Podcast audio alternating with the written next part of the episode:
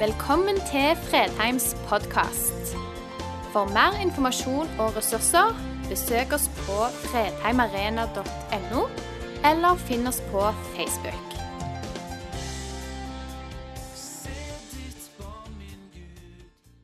Vi har en temaserie nå som heter 'Mye godt og gode hos Gud'. og så satt jeg fundert litt hva er det vi ikke har berørt så mye i den serien fram til nå. og Da lander jeg litt på å berøre det som går på Guds kjærlighet for hver og en av oss.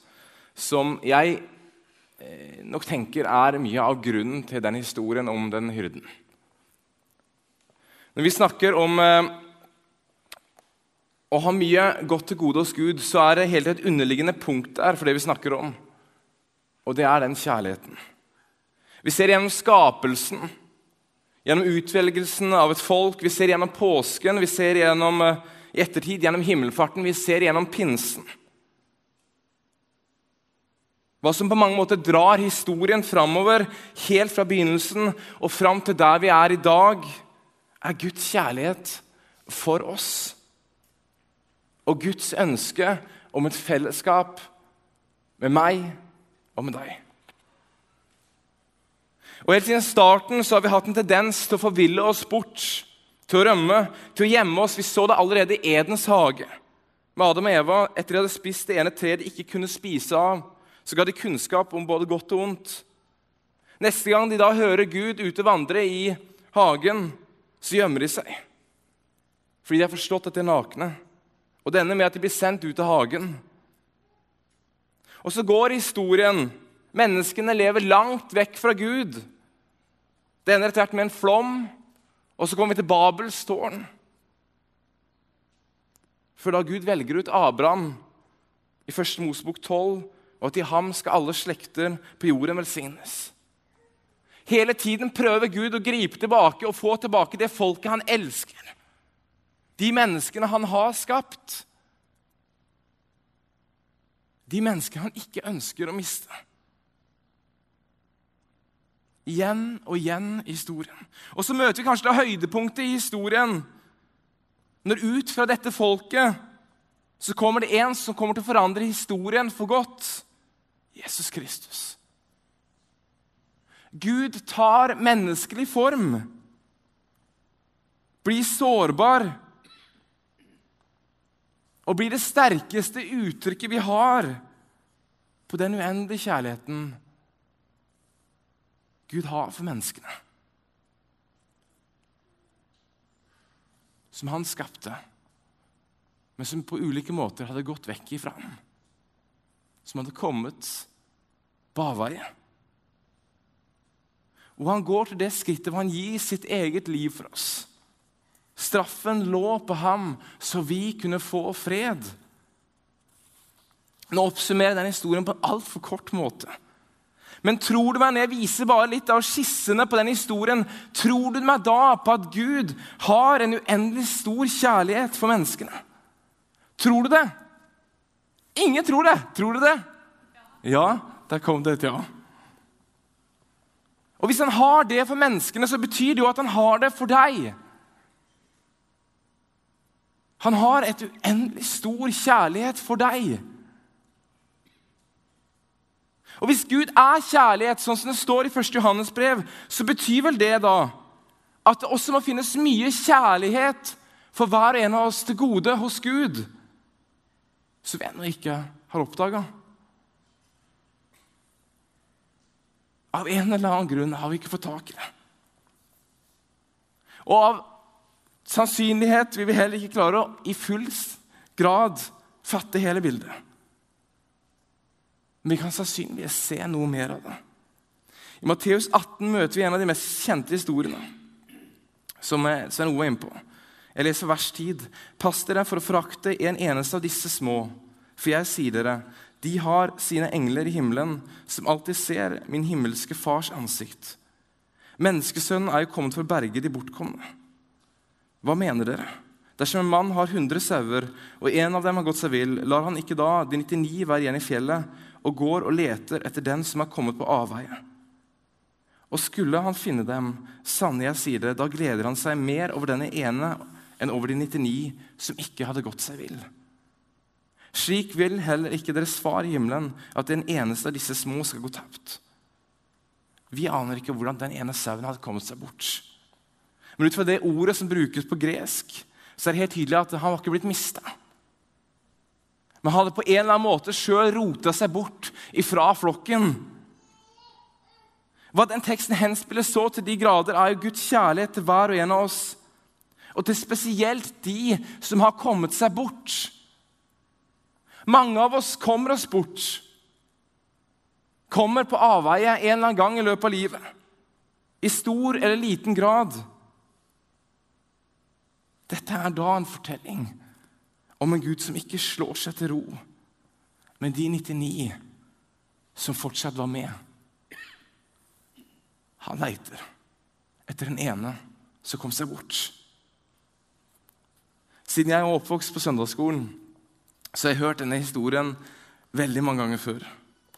Første gang jeg tror den gjorde virkelig inntrykk på meg, var da jeg var på konsert i eh, jeg tror jeg var på konsert i Stavanger. på Folken. Eh, og så er det en som heter Wowen Han, som tidligere ledet bandet band som heter 16 Horsepower. Som er americana, veldig støyete rock. Um, og han hadde bare tolket teksten litt, altså bare vridd litt på, på teksten. Og så hadde han en tekstlinje i, den, i den sang, en sangen som heter Cinder Alley som går sånn And the good shepherd, he left all the others and went to look for you.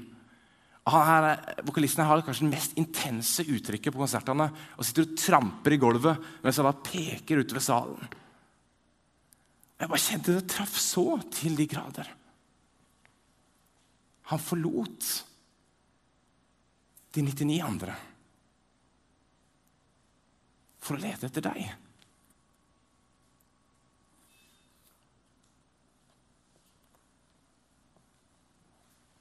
Kanskje han fant deg. Eller kanskje du fortsatt er der hvor du ikke ønsker å bli funnet. Kanskje fordi du tviler på hans kjærlighet. Kanskje fordi du tviler på at han er den han sier han er. Kanskje fordi du ikke vet hvordan han ser ut. Kanskje fordi du tror livet vekk fra ham er bedre enn livet nær ham.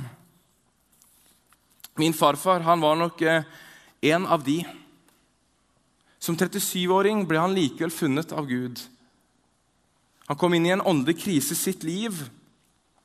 Og En gang, nei, en kveld som 37-åring gikk han til vestsida bedehus i Porsgrunn. Og det, Ut fra det pappa sa, så er ikke det et sted han hadde til vane å gå før det. Han var mer en som var på dans og spill og kjent med festkulturen. Men denne kvelden skulle forandre hans liv. Og det forandra min fars liv i barndommen og ungdommen. De kan fortsatt huske den radikale endringen som skjedde i farfars liv den dagen han tok imot Jesus. Og ett år senere farmor. Det forandra hans liv. Det forandra hans fars liv. Det har forandra mitt liv. Og jeg håper det forandrer Victoria og Vesper sitt liv. Storfamilien fikk en ny kurs fordi Gud fant farfar. Og han fikk et uendelig møte med den uendelige kjærligheten som Gud har hatt for ham lenge før han ble skapt. Fordi Gud aldri slår seg til ro med de 99 han har med seg. Han leiter alltid etter de som har kommet seg vill. Og livet ble ikke det samme etterpå. Tror du det gjør oss annerledes å bli funnet av Gud? Tror du det gjør oss til et annerledes folk? Det møtet i Vestsida bedehus i Porsgrunn for over 60 år siden gjorde i hvert fall vår familie annerledes. Skjønner Gud han vil ikke søke, slutte å søke til deg. Fordi den kjærligheten han er, og den kjærligheten han har, tåler ikke tanken på å miste det. Den tåler ikke tanken på å ikke lenger ha fellesskap med deg. Du som han har tenkt ut, satt sammen, elsket. Livet er ikke alltid enkelt. Vi bærer med oss historier, sykdommer, opplevelser, vonde ord, vanskelige tanker, som former livet vårt på godt og ondt. Kanskje vi bærer med oss til og med bilder hvor en tanke om en himmelsk far er helt utenkelig. Fordi min far er ikke kjærlig. Du forbinder noe helt annet med det ordet. Og Så møter vi da altså en far og en Gud som ønsker å overøse oss med sin kjærlighet. Og som ikke kommer til å stoppe å lete etter oss. Men som heller ikke vil presse seg på. Det står en annen tekst i Bibelen, det står mange tekster om hyrder i Bibelen, men en annen står i Salme 23. Herren er min hyrde. Jeg mangler ikke noe. Han lar meg ligge i grønne enger. Han leder meg til vann der jeg finner hvile. Han gir meg nytt liv. Han fører meg på rettferdighetsstier for sitt navns skyld. Om jeg skulle vandre i dødsskyggens dal, frykter jeg ikke noe ondt, for du er med meg, din kjepp og din stav, de trøster meg. Du skjønner, Når Gud finner oss, så er det min kjærlighet som har evnen til å forandre våre liv. På tross av hva livet har vært fram til da. Og Med det sier ikke jeg at Gud er en fix på problemene. Men den kjærligheten han gir oss, gir nytt liv, gir hvile, gir fred, gir trøst midt i det vi står i. Du har mye kjærlighet til gode hos Gud. Voltaire, en fransk forfatter, filosof og historiker, som jeg ikke nødvendigvis tror hadde så mye til gode for Gud, han skal likevel ha sagt livet er et skipsvrak, men vi må ikke glemme å synge i livbåtene. Livet kan se forskjellig ut for hver en av oss. Vi kan gå gjennom ulike utfordringer, og for noen av oss vil livet oppleves som et skipsvrak. Men til syvende og sist er det fortsatt en Gud som fortsetter å lete etter oss. Som fortsetter å hive ut disse livbåtene for å finne oss. Med en kjærlighet som fortsatt evner å transformere våre liv. Og det kan treffe oss med en så voldsom kraft at skremselen over det skipsvraket kan bli til en sang i livbåtene. Se på den filmen her. Remember my my uh, my stepfather you know would beat me and he you know he would beat me with extension cords and and and hangers and you know pieces of wood and all kinds of stuff and you know after every beating he would tell me you know it hurt me more than it hurt you and you know I only did it because I love you it was kind of you know, it communicated the wrong message to me about what love was. So for many years, you know, I thought that love was supposed to hurt. And um, I hurt everyone that I love.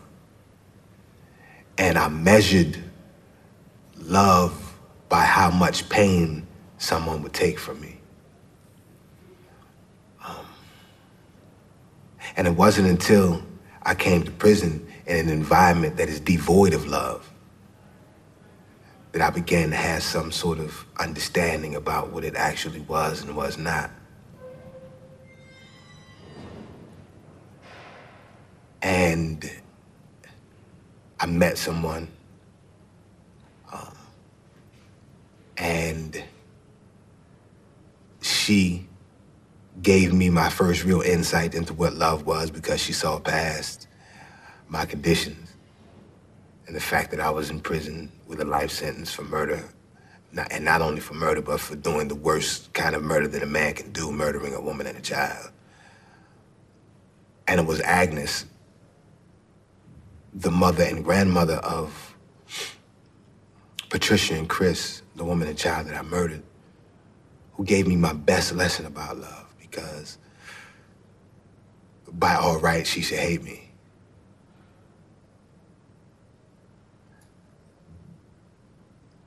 But she didn't.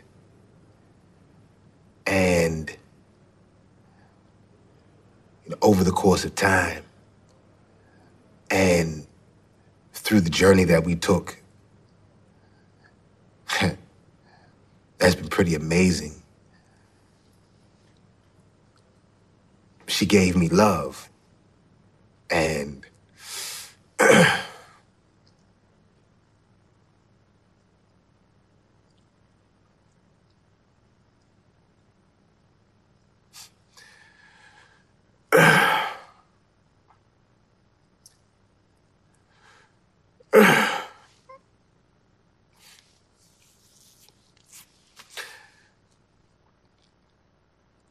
she taught me what it was.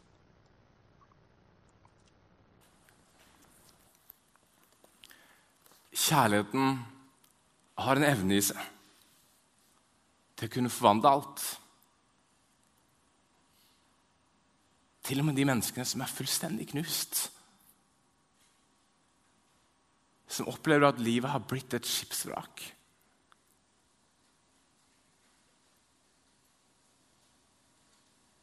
Til og med de kan finne i møte med kjærligheten og livbåter. Til å synge ut. For den han er. For Gud er kjærlighet.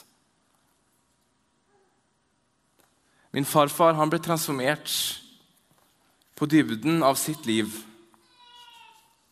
Han merket at Gud fant ham. En åndelig krise fulgte. Et nytt liv ble starta, som igjen smitta over på hele hans familie. Og som igjen smitter over på generasjon etter generasjon. Og Det er sånn vi håper det fortsetter. I Isaiah 43 står det, og nå så sier Herren, som skapte deg Jakob, som formet deg Israel, vær ikke redd, jeg har løst deg ut, jeg har kalt deg ved navn, du er min. Han har skapt oss.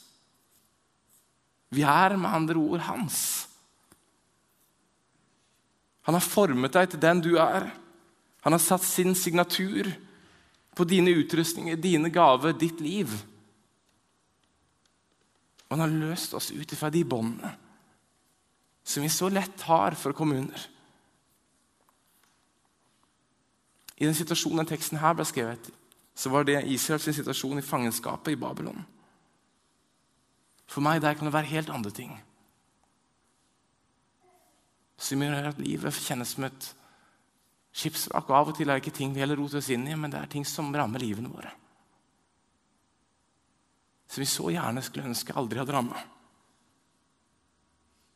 Men midt i det så fortsetter han å lete. Fordi vi er hans. Vi er hans fra begynnelsen av, og han har kjøpt oss fri. Jeg har kalt deg ved navn. Du er min. Du vet akkurat den teksten her for Jesaja 43 og den teksten som ble talt over på Vestsida bedehus i Porsgrunn. Når min farfar tok imot troen og ble funnet i en alder av 37 år av Gud. I dag møter dere akkurat den samme teksten. Og den er like levende i dag som den var for 60 år siden. For 200 år siden. For 4000 år siden. Når Gud valgte ut Abraham, og så Isak, og så Jakob og hans sønner, og det ble til et folk. Guds folk. Og når han finner oss, så velger han oss. Og han setter sitt navn på oss. Og så skjer det dype ringvirkninger i vårt liv. Fordi vi blir transformert av kjærligheten. Guds kjærlighet. Den mannen dere møtte på skjermen der, hadde blitt transformert. Han hadde møtt en kjærlighet han ikke hadde forventet. Og det forvandla livet hans. I dag kan vi jo få lov å kjenne på den samme transformasjonen. Jeg vet ikke hvor og hvordan Gud finner deg med sin grenseløse kjærlighet. Kanskje er det mange her som på en eller annen måte kjenner at Gud er i ferd med å finne igjen på ulike områder hvor det havna på avveie. Men vi ønsker, ønsker i dag når vi snakker om teksten her, at jeg ønsker å gi en innbydelse hvis det er noen her i dag som ikke har kjent Jesus. Som aldri har startet den reisen, så ønsker vi å gi den innbydelsen til å kunne starte den reisen i dag. Vi lukker øynene våre. Så Hvis du er her i dag og du kjenner at jeg ønsker å starte den reisen med deg, Jesus, så kan du få lov å reise hendene dine nå.